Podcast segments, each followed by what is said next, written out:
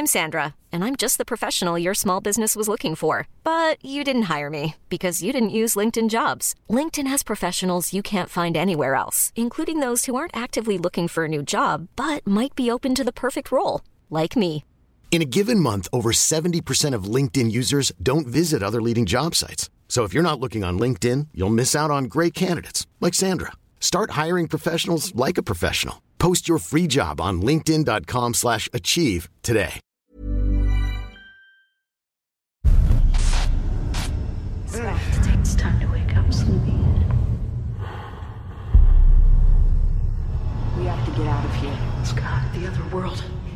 Coming over us.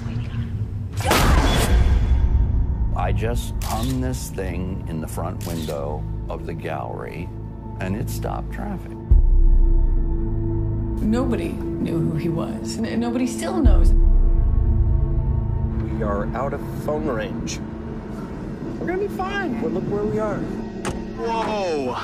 Hey, I was thinking you and I could start a nudist colony here. What do you think? Sign me up. There's another one. I'm standing right next to Mr. Jones's scarecrows.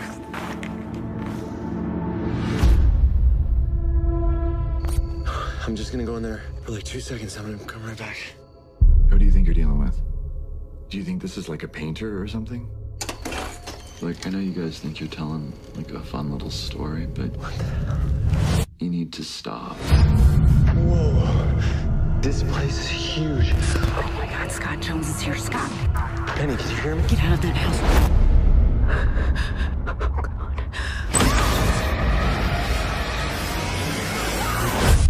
Scott, what happened? You have no idea what you're dealing with. You don't know what he's capable of. I don't wanna go in the woods! Don't look for him. If you think you have found Mr. Jones, Get back inside, go!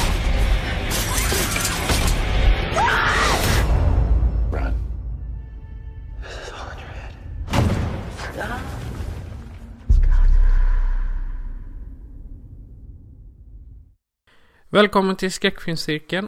En eh, Patreon-special som, eh, som vi har valt att kalla för Simons val. Och eh, Simon är ju alltså våran enda följare på Patreon just nu. Han har valt en film som heter Mr. Jones och den är från 2013 och otroligt obehaglig. Det hörde vi bara på trailern. Eller vad säger du Fredrik? Jo då, Mr Jones är en, Eh, en okänd liten pärla tycker jag till film. Eh, jag kommer ihåg att det var faktiskt Simon själv som hade sett den först och introducerade mig för den. Han hade, vi hade en period där då vi hade en sån found footage orgie. Eh, och så hade Simon då dammsugit nätet så vitt jag förstod och snubblat på Mr Jones. Och tyckte den var så fantastisk så han var tvungen att dela med sig utav den. Så satt vi hemma i hans eh, lägenhet och tittade på den och eh, vart allmänt freaked out utav den. Ja, det, om, med, med all rätt alltså för de här små, lite kortare filmerna med, som är som found footage. Jag, jag känner att de är mer autentiska och jag tycker de, de blir mer spännande. Alltså, det, det gör ingenting att det är verkligen eh, urkast men det blir spännande ändå. Jag ska säga Mr Jones var ju absolut inte urkast utan det var Åh, gud, väldigt, väldigt bra film. Jag tänkte, det kom ju verkligen en period där liksom efter Paranormal Activity eh, då vi verkligen drunknade i found footage. Och jag kan känna att det är kanske lite olyckligt. Det är, Mr Jones känns lite som att den kanske har bara försvunnit i mängden. För jag, jag tycker inte att Mr Jones är en sån dussin film bland alla andra found footage-filmer. Jag tycker den, den, den är något hu, huvudet högre. Jag tycker, jag tycker den är väldigt bra men den, den når liksom inte de här absoluta höjderna. Typ min favorit found footage är den här As above so below. Men Mr Jones kommer liksom, den hamnar lätt på en eh, topp tre-lista över found footage. Ja, alltså det, det vill jag hålla med dig. För just eh, att Mr Jones är en found footage. Där reagerade jag lite på att det hoppar fram och tillbaka. För Mhm. alltså, han måste ha haft en sjukt dyr kamera med tanke på bildkvaliteten på hans eh, små videodagböcker som han gör.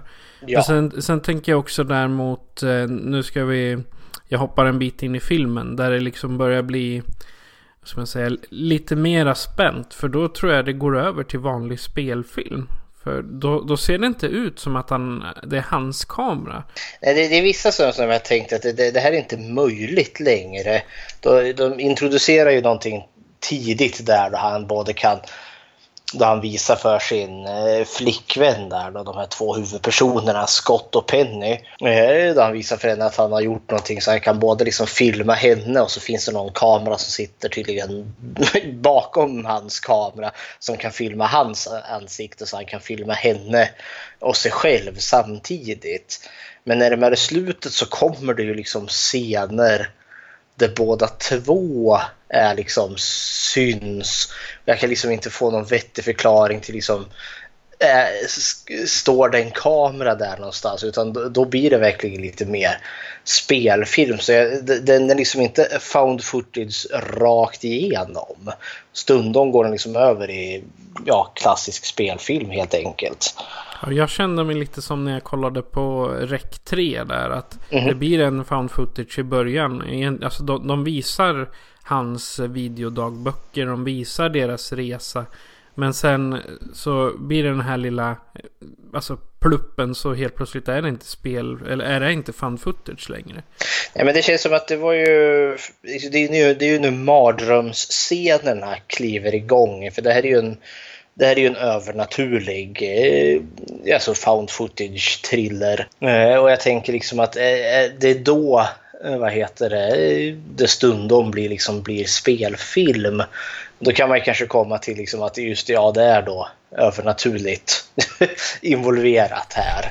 Men storymässigt, alltså, för jag är ju Eh, jag, jag, jag varit ganska hooked direkt när den här filmen startade. Eh, den börjar ju med den här Scott och Penny som är på väg ut i, som jag tolkar det, han, han ska göra någon form av dokumentär eller något sånt där.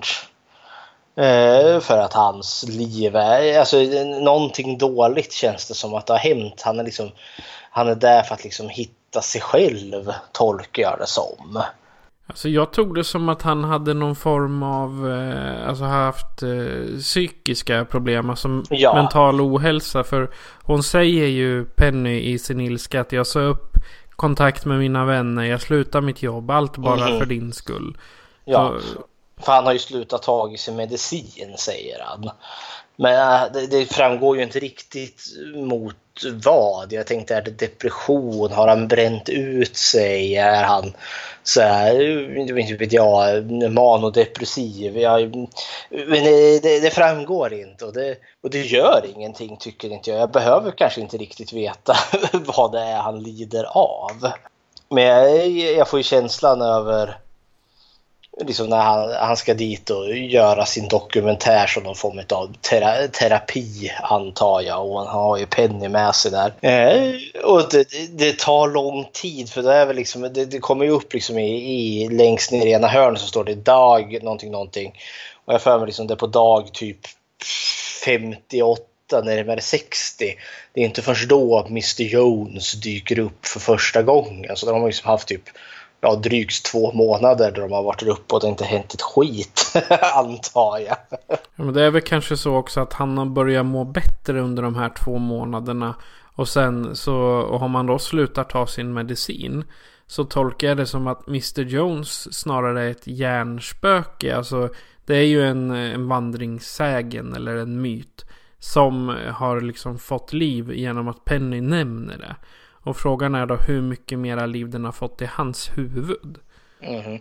Ja, det är också en sån här tänkbar möjlighet som jag satt och funderade på. Är det som vi har sett någonting som har hänt eller har, har vi följt Scotts nedstigning i, i någon form av så här schizofren verklighetsfrånvänd eh, verklighetsuppfattning. Men det jag tänkte jag skulle säga, det, det jag fastnade redan i början. Eh, jag upplever att Scott och Penny känns trovärdiga som personer. Alltså skådespelarna gör så pass bra ifrån sig att jag köper att det här är på riktigt, att det här är ett par där han kanske då kämpar med sina inre demoner som är ute och ja, ska ha, hitta sig själva ute i vildmarken där någonstans i Kalifornien.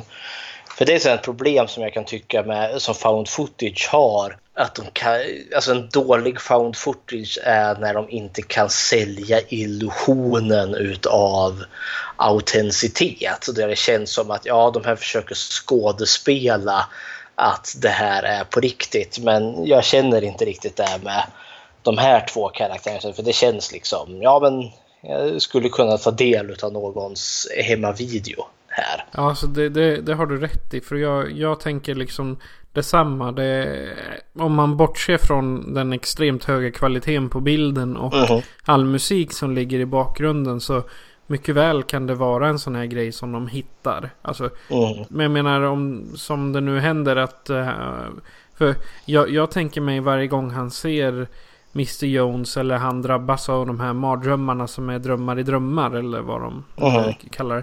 Alltså det känns som att han får anfall av en psykos eller liknande. Mm. Jag har läst om det och det liknar ju så mycket de medicinska beskrivningarna eller exemplen som kommer upp när man läser på nätet. Jag ska säga, man ska inte tro på allt man läser på nätet men jag menar, så många olika beskrivningar som det finns så måste det ju ändå finnas typ en sanningshalt i, i filmen. ja, den spinner väl lite på oss tänker jag. Men eh, jag gillar också att det är liksom... När jag såg den här första gången, för det här är andra gången jag ser Mr Jones. Eh, för efter jag såg den så införskaffade jag mig den på, på Blu-ray. Jag var tvungen att importera den från England för att få fatt i den. Nice. Mm -hmm. Men eh, för något jag tänkte på som fick den här sticka ut att det var ju, det, det är de här två personerna, liksom Scott och Penny, eh, som är där ute i vildmarken och sen där av en slump egentligen springer de väl på Mr Jones. För det är väl Mr Jones någon gång när han är ute och gör sin videodagbok där så kommer Mr Jones liksom i bakgrunden och plockar med sig hans ryggsäck är det väl. Och liksom lufsar iväg ut i skogen. Ja, där. Och, och Scott liksom springer efter och hittar ju hans liksom den här övergivna, ganska ruffiga stugan.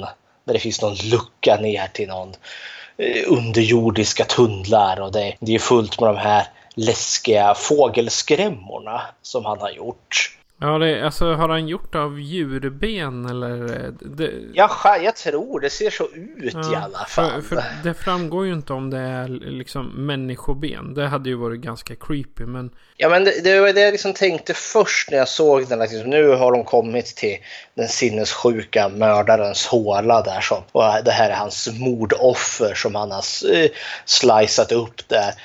Eh, och så förväntade jag mig liksom att det skulle vara någon form av katt och råtta eh, lek det här liksom paret sinsemellan versus den sinnessjuka Mr Jones som tänker göra statyer av dem. Men så vart det ju inte det. Jag vart liksom lite överraskad i mitt eget liksom, filmtittande för jag är så van när jag sett så många skräckfilmer att det här är väl det som händer utan jag tror ju inte att det här är personer som Mr Jones har mördat utan det är som du säger att det här är, det här är djurhudar, det är ben som han har hittat eller liksom han har tvistat och törnat liksom fibrer och rötter och plåtburkar och skräp som han har hittat i skogen. Ja, för i en av intervjuerna så säger den här mannen med lite typ Mellanöstern eh, ursprung. Jag kommer inte ihåg vad han sa att han hette.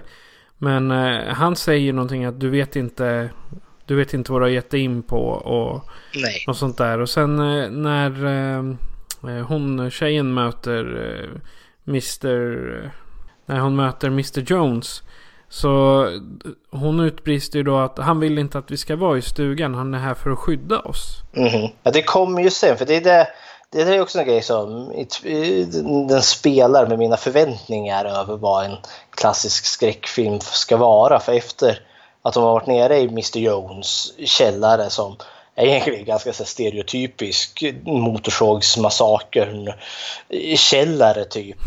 så är det ju just det där att det går över, inte från det här liksom att det här är en liksom, oh, ett skräckfilmsmonster, utan det är den här liksom mytomsbundna konstnären Mr Jones som då tydligen eh, har liksom gjort, har blivit liksom en sån här mytiskt namn i konstnärskretsar då han skickade iväg de här fågelskrämmorna till olika personer.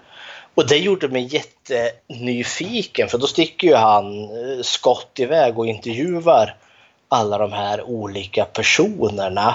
Eh, och det tyckte jag var, för då väcktes en nyfikenhet. Det här var inte alls vad jag var beredd på för jag trodde liksom för nu vart det ju fascinerande. Vem är den här konstnären? Varför gör han de här liksom, konstverken? Uh, han intervjuar ju folk och liksom, det, det, det är ju exklusivt. Någon av dem berättar liksom att om han bara hade kunnat få fatt en sån där ny autentisk Mr Jones-staty så skulle han liksom lätt kunna sälja den till någon samlare för säkert någon miljon dollar eller något sånt. Så då var det också spännande för det var liksom exklusivt. Liksom, oh, här, och nu har Scott och Penny hittat den här märkliga konstnären Mr Jones. Men så kommer det ju hinten även där att någonting är ju inte som det ska. För det är ju en av de där killarna som han intervjuar då som fick en sån där Mr Jones-staty eller fågelskrämma. Och han, han berättar, han har ju gjort sig av med den. Och han drömmer mardrömmar. Och han mår liksom inte bra. Eh, så då får vi liksom en viss hint om att någonting är konstigt. Och det bara ökade mysteriet ännu mer. Och det är det jag gillar med Mr Jones att eh, Eh, den, liksom, den bygger på ett mysterium istället för liksom en knivviftande galning som är ute för att mörda dem. Och så är det ju det som, det som du nämnde, där, Penny träffar ju Mr Jones där. Och han leder tillbaka henne, för när han träffar henne det är också snyggt för man ser hon är ute och fotar så ser man han man ser henne liksom framifrån så kommer Mr Jones liksom lufsandes i bakgrunden där. Och hon har inte sett honom men uh, och så blir han ju stående där och hon liksom får syn på att oh, så eh, försöker hon liksom vara lite artig där och prata med honom och liksom komma fram. Liksom, oh, jag skulle vilja göra en intervju och så kommer hon ju så pass nära så hon kan se under hans huvud och se att han har någon mask på sig. Hon bara inser liksom att nej, det där är bara konstigt. Jag känner igen det där lite typ som eh, Fritt vilt som vi pratade om till den vanliga podden. Att även där är ju mördaren maskbeklädd för att han har någonting. Han har någon felbildning i ansiktet eller mm. sådär. Precis som Jason har. Och det är väl samma med Mr Jones. Han har ju någonting fel i sin jag ska inte säga fel, men han, han ser annorlunda ut rent i ansiktet. Ja, det, det, det, det är också en sån där som lurar med mina förväntningar. För maskbeklädda män i skräckfilmer är ju i regel alltid mördare. Det är alltid de som är hotet. Men det, så är det ju inte med Mr Jones. Ja, utan eh, han är ju inte skurken i den här historien utan han är ju någon form av väktare för den här andevärlden som ligger där och hotar. Eh, han är ju någon form av portvakt som jag har tolkat det. Och jag, den här masken som Mr Jones har tolkar jag i någon form av del i att hålla de här onda andarna eller de här kaosandarna som de nämns vid. Eller nämns som. Att det är en del liksom för att hålla dem på avstånd. Och det är ju därför som jag har tolkat att han gör alla de här statyerna eh, och liknande bara för att liksom hålla, eh, hålla liksom våran liksom logiskt fungerande värld liksom separerad från kaoset. Han är ju någon form av portvakt som egentligen offrar hela sitt liv för våran för, våran för mänsklighetens skull, för att vi ska vara säkra. Så har jag tolkat Mr Jones. Ja, och sen enda nackdelen är ju där när eh, när man, när man träffar honom att han, han säger ingenting. Han visar ingenting Utan han, han beter sig bara allmänt creepy. Och tyvärr så är ju det en, liksom en stereotyp slasher-mördare typ. Mhm. Men han är, han är ju inte en slasher-mördare. Nej, precis. Och det är det som är det roliga med det. Exakt, han överraskar ju sen också. Och det, det gillar jag. Det, det väckte mitt intresse mera för filmen än vad jag hade förväntat mig. Mhm. För jag hade liksom förväntat mig en, eh, en lågbudgetrulle som inte var så här välbearbetad. Som eh, typ eh, Rec och Paranormal Activity och dem. Men den här var faktiskt förvånad. Ja, jag vart förvånad. Ja, den tar ju, alltså det här är ju onekligen en lågbudgetrulle men alltså den, för det, den, den vågar ta sig på ett annat, eh, på en annan nivå än vad jag är van vid. Jag menar Rec och alla de där liksom, det är ju bra filmer där också men där har du ju det väldigt enkla, där har du zombisarna.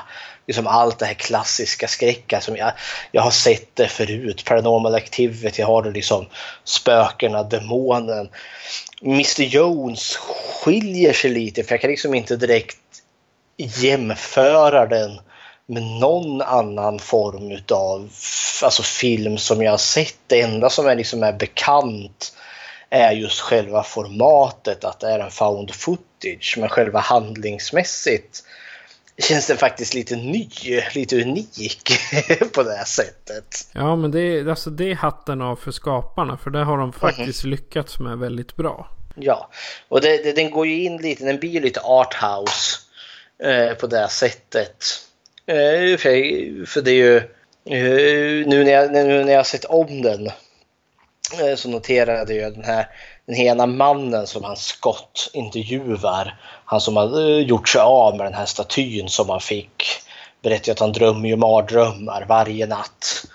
Eh, hans liv har bara blivit värre sedan han fick den här statyn utav Mr Jones. Och i drömmen som han berättar så drömmer han ju om att han blir jagad av sig själv. Och att om han skulle bli fasttagen av sig själv då eh, är det början på slutet och då, då går världen under. Eh, vilket jag tyckte var sådär, ja ah, okej. Okay. För det är ju lite det som händer sen i slutet. När, liksom, när det verkligen blir kaos. När Scott har varit nere där i tunnlarna och tagit den här eh, lilla dockan eller vad den är från, det här altaret som Mr Jones har gjort. Så då tolkar jag som att då bryter ju han någon form av förtrollning där och kaosmakterna kommer lös. För det, det, den som förföljer dem hela tiden är ju en variant utav Scott som har den här kameran framför sig som att Scott skulle göra en dokumentär.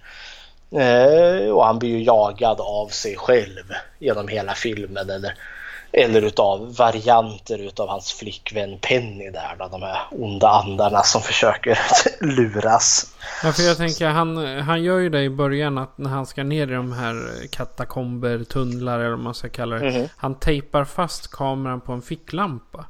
Mm. Och jag tyckte det var rätt så eh, effektivt där när han, när de, han börjar jaga sig själv eller mm. hans varianter då. Det, då, då var det väldigt effektivt. Eh, liksom, det flashade upp lite här och var när han trodde han var trygg. Och, mm. liksom, och sen helt plötsligt så hade han ficklampor från alla håll. Ja. För det var ju som en grej liksom när man förstod att hotet är på ingång. Det var ju i de här tunnlarna när liksom någon lampa plötsligt började lysa. Då förstod man att aj då, nu är det någon av hans eh, kopior där som kommer springandes. Något jag gillar med den här, för den, alltså, den leker mycket med mina eh, med min fantasi. Eh, för han ju nämnde ju han den mannen som drömde mardrömmar att han blir jagad av sig själv. Eh, och en av de här andra som vi intervjuade är ju, han säger ju någonting som att vi har våran värld som är liksom logisk och liksom som är, där det finns ordning och så finns det den här andra världen där det finns kaos. Eh, det som då Mr Jones skyddar oss ifrån att ta, att ta sig in i vår värld. Men han säger, han säger ju också där att i den här kaosvärlden så finns det en motsvarighet utav dig själv. För något jag tänker på det att, som Penny säger flera gånger när hon ser de här statyerna eller fågelskrämmorna. Och så tittar hon ju på dem och liksom säger att de känns bekanta bekanta på något vis och vänster. Hon, liksom, hon säger det vid flera tillfällen, liksom, men det känns bekant. Och då tänker jag på det, liksom, de, de är ju i gränslandet. Är det liksom som så att det är liksom kaosvariationen utav henne själv, den här liksom kopian eller dubbletten som finns av henne i kaosvärlden. Det är därför det känns bekant. För liksom det, det finns där och liksom lockar på henne. Ja. Eh, om, om vi ska säga bekant så kan vi säga att Mark Stiger som eh, spelar eh, eh Mr Jones. Han har spelat monster ett par gånger till. Mm. Bland annat i Stranger Things. När han var med i sju avsnitt som mm, The det Monster. Det är han som The Demagorgon. Ja, precis. Och sen eh, så var han också med i The Nun. Ja, okej. Okay. Gör någon stuntroll där då som Valak. Ja, precis. Han är Duke, han. Jaha, okej. Okay, sådär. Så, ja, han, han är med där i alla fall. Så han, han lämnar ju inte skräcken. Eh, efter den här lilla filmen. För han, Nej. han har varit med i en del sådana här lite, vad ska man säga, typ, han var med i Paranormal Activity, Ghost Dimension och mm -hmm. The Last Witch Hunter. Eh, så han, och så Mr Jones då förstås. Så han har varit med i sådana här lite övernaturliga och skräckfilmer. Han var med i Heroes också. -hmm. Och Metallica The Videos. Så han har tydligen varit statist i en Metallica musikvideo. Se där. Hiring for your small business? If you're not looking for professionals on LinkedIn, you're looking in the wrong place. That's like looking for your car keys in a fish tank. LinkedIn helps you hire professionals you can't find anywhere else, even those who aren't actively searching for a new job but might be open to the perfect role. In a given month, over 70% of LinkedIn users don't even visit other leading job sites. So start looking in the right place. With LinkedIn, you can hire professionals like a professional. Post your free job on linkedin.com slash achieve today. Ever catch yourself eating the same flavorless dinner three days in a row? Dreaming of something better? Well, HelloFresh is your guilt-free dream come true, baby. It's me, Gigi Palmer. Let's wake up those taste buds with hot, juicy pecan-crusted chicken or garlic butter shrimp scampi. Mm. Hello Fresh. Stop dreaming of all the delicious possibilities and dig in at HelloFresh.com. Let's get this dinner party started.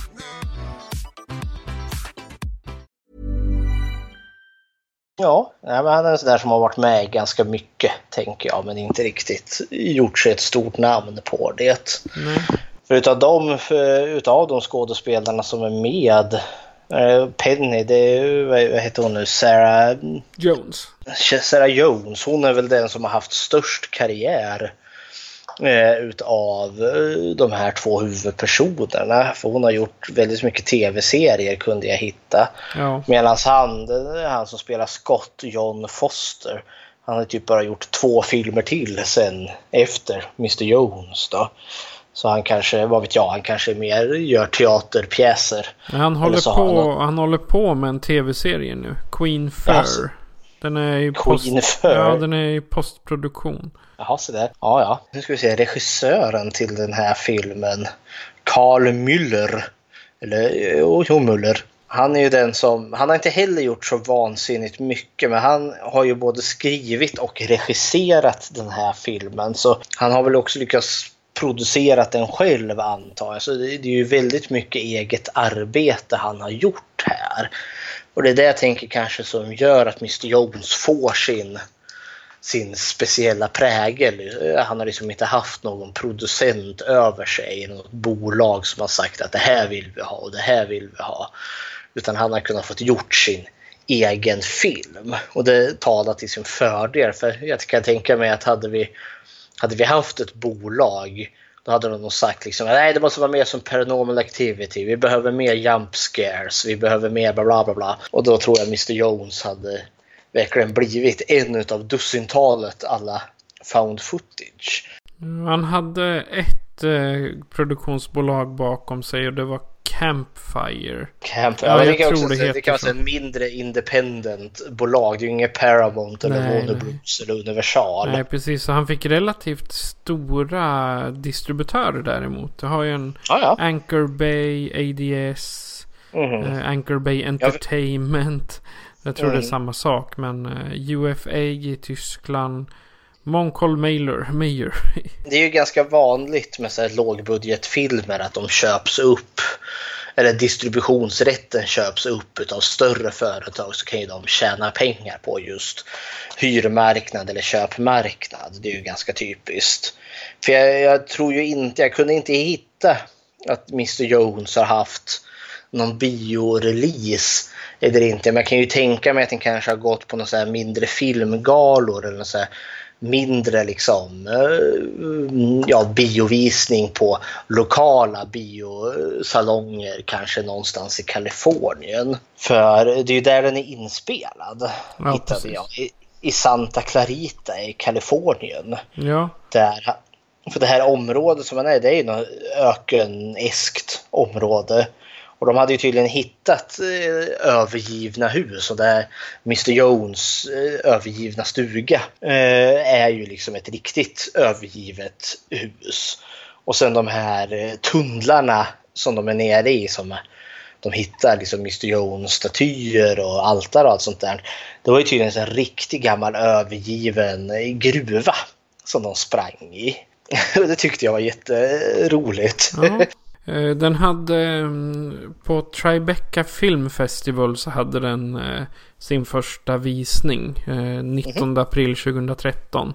Jo, sådär. Ja, så att de, de, precis som du sa, det börjar på någon filmfestival och så hamnar den i Hungary, det är Ungern. Den Ja. 22 maj när den började gå ut landet.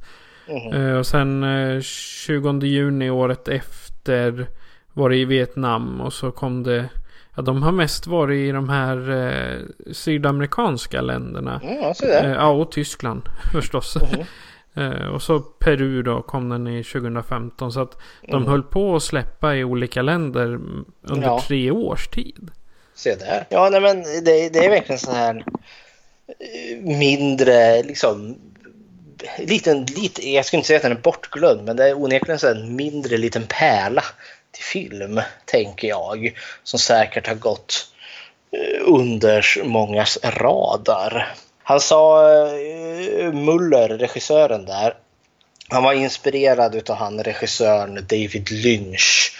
Eh, och David Lynch är ju den här mannen som har gjort Twin Peaks och Lost Highway och Mulholland Drive. Och han är ju väldigt känd för att han gör väldigt så artistiska filmer som har liksom dold mening som inte är så uppenbar för publiken att se många gånger. Hans filmer kan vara svåra att förstå. Och det kan, jag- jag kan onekligen se kopplingen David Lynch och eh, Mr Jones här. Men så var han också inspirerad av filmen Eternal Sunshine on a Spotless Mind. För den handlar ju också om liksom, då man går in i drömmar, eller minnen är det väl, som man går in i den.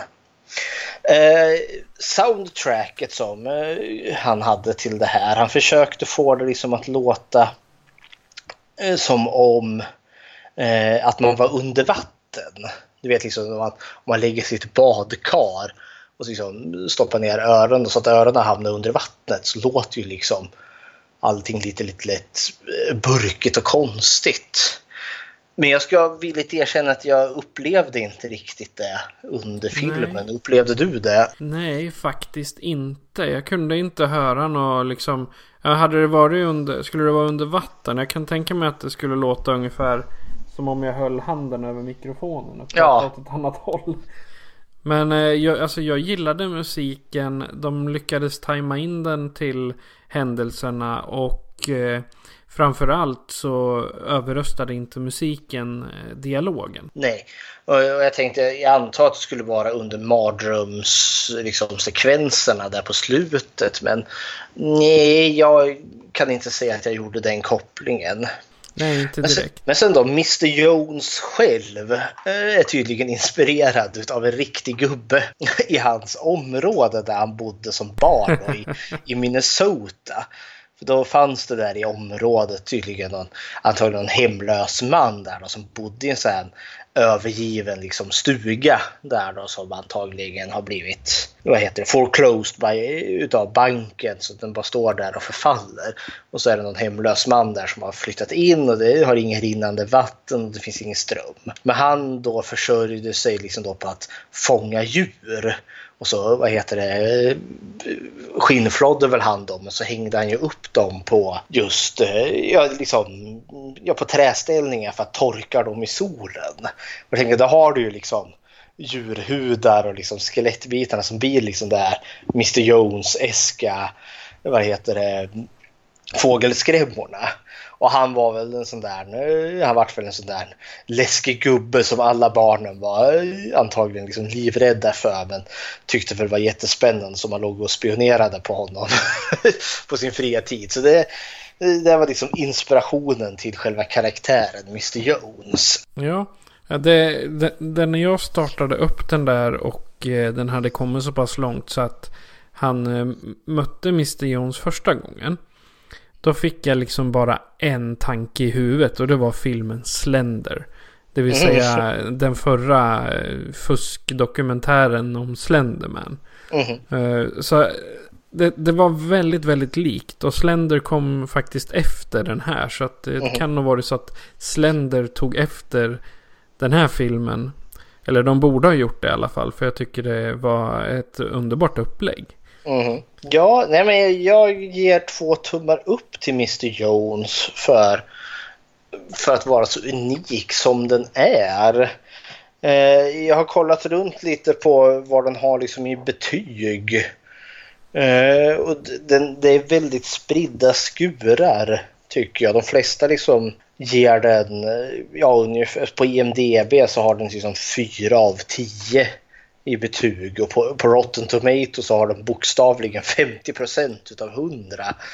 Och läser man lite vad folk har liksom gett för recensioner så det är ingen direkt som säger att det är ett mästerverk. Det är några som tycker att det är det sämsta de någonsin har sett men de flesta lägger den liksom på någon form av mittennivå och tycker att ja, men det, det här var en bra speciell film och att den hade alla möjliga potential men kanske inte nådde riktigt dit. Men de flesta verkar liksom vara så att ja, men det, det är bättre än genomsnittet men den, den saknar lite det, det lilla extra för att få den att bli ja, ja ett, ett framtida mästerverk. Ja, för nu, jag, jag kollade också på Rotten Tomatoes. Och mm. på, på IMDB så är det lite över 3000 personer som har röstat. Och mm. man får väl ta en modifikation på Rotten Tomatoes. För det är bara 456 som har röstat där. Jaha, så där. så att, men eh, jag vill hålla med dig här. Det är två tummar upp helt klart. Mm. Så att eh, alla andra kan vara tysta. Nu här är en bra film. Ja, men det är det som är smaken är som baken. Det är bara för att en film har dåligt genomsnittsbetyg så behöver den ju inte slaviskt vara det. Jag tycker Mr Jones är så pass unik i sig att den är väl värd att se åtminstone en gång. Men förvänta dig inte en jump scare-film. Då, då, är man, då kommer man bli missnöjd. Det, här, det, det, är som en, eh, vad ska man säga, en mask som kommer krypande. Ja. alltså i, i skräcken liksom.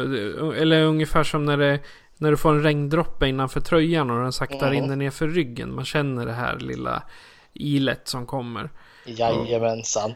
Hade du hittat eh, alternativa titlar till Mr Jones? Jo, jag hade en del alternativa titlar. Och det -huh. är eh, på bulgariska. Där kan jag inte läsa för det ser ut som man har tagit så här. Eh, när, när, man får ett mail på ett språk man inte förstår så ser det bara ut som en, en massa symboler. Så det kan jag -huh. inte uttala. Men i Peru så fick den El Nombre del Diablo. Alltså -huh. Djävulens nummer kanske? Eller djävulens... Nej, djä djävulens namn. Just det, djävulens namn ja. Så det är ju en väldigt alternativ titel måste jag villigt erkänna. Frågan är om de inte har gått mera på innehållet än vad de har gått på liksom själva namnet. De, de har liksom sammanfattat hela filmen i ett namn. Och det är inte den här monsterkaraktären Mr Jones de går efter då. Det var Mr Jones. Eh, vi får tacka Simon för ja. Eh, den Jajamensan, stort tack. Då fick jag se om Mr Jones igen och komma ihåg hur bra den faktiskt var. Ja, och det är, Eller är. Ja, precis hur bra den är. Det är helt klart någonting för, eh, för en samling. Och jag älskar Mhm. coverarten till den här. Så Mhm. himla fantastiska. Dels den du skickade till mig som kommer ligga på hemsidan. Och sen Mhm. den som är på, på, på IMDB också. Mm. Ja, för det, de är synd, för det, den Blu-ray-utgåva jag har eh, har verkligen inte ett bra omslag. Utan för där har du Mr Jones som står framför en husvagn och ser allmänt hotfull ut. Han bor ju inte ens i en husvagn, han bor ju i ett nedrivet hus. för, de här, för de här andra omslagen är ju på hans läskiga någon är ju på hans läskiga fågelskrämma och någon ser väl ut som en, som en människa. Det liksom växer typ grenar och buskar ur honom. Så det, nej, det var ett nerköp med omslaget på min Blu-ray här. Ja, okej. Ja, men, men, men, men fortfarande så tycker jag den här är väldigt eh, påhittig. Mhm. Så v- vad gäller, för den uppfinner sig, sig själv vart Mhm. efter filmen går. Och jag gillar det här när man eh, belyser psykisk ohälsa i form av skräckfilm. Mhm. Med, som den här The Haunting of Brian Beckett exempelvis. Det, han är ju inte hemsökt utan det är flashbacks. Och det här, Eller är han det? För det är det som eh, är tjusningen med det här. Är det liksom Mr Jones, vaktaren utav den kaotiska drömvärlden eller är det Scott som har slutat med sin medicin och nu går igenom en hallucinogen psykos? Exakt. Och det, är- Mhm. det är en, alltså helt öppet för tolkning och framförallt eh, en möjlig diskussion. Mhm. Så att det, det här, jag, sådana filmer älskar jag. När man, man kan göra en tolkning i efterhand. Som vi sitter och gör nu alltså. Ja, nej. Eh, tack igen Simon för att vi fick se Mr Jones. Jajamän. Eh, Det här är ett Patreon-avsnitt så att eh, det är bara Simon som kan lyssna på det när vi spelar in det. Än så länge. Exakt, än så länge. Men har du då blivit Patreon-följare och kan, eh, faktiskt kan lyssna på det här förr eller senare. Då ska du veta att du har möjlighet att få din önskan uppfylld när det gäller filmer. Så att skicka in ett meddelande bara till oss så tar vi upp det på våran, i våran gigantiska styrelse. och vi måste ha votering och alla måste säga ja. Jag tänker det, det enda lilla passus jag kan tänka det måste vara förutsatt att de lyckas hitta filmen. Jag säga. Ja, det, det, det, det kan vara en kul utmaning i sig Ja, det också. också. Eh, Ja, det, det går väl att fultanka det mesta nu för tiden så, så det är väl inga större problem egentligen. Ja, det, det är sant. Men eh, det, det är ingen som behöver veta att vi kanske eventuellt inte gör någon gång. Utan Enda, alltså filmerna går ju att få tag i men sen är det leveranstiden som Ja. är lite si och så. Nåväl, Men eh, tack för att ni har lyssnat. Jag heter Patrik. jag heter Fredrik. Och det här är eh, skräckfilmscirkeln på Patreon. Så Yay. adjöken. Adjök.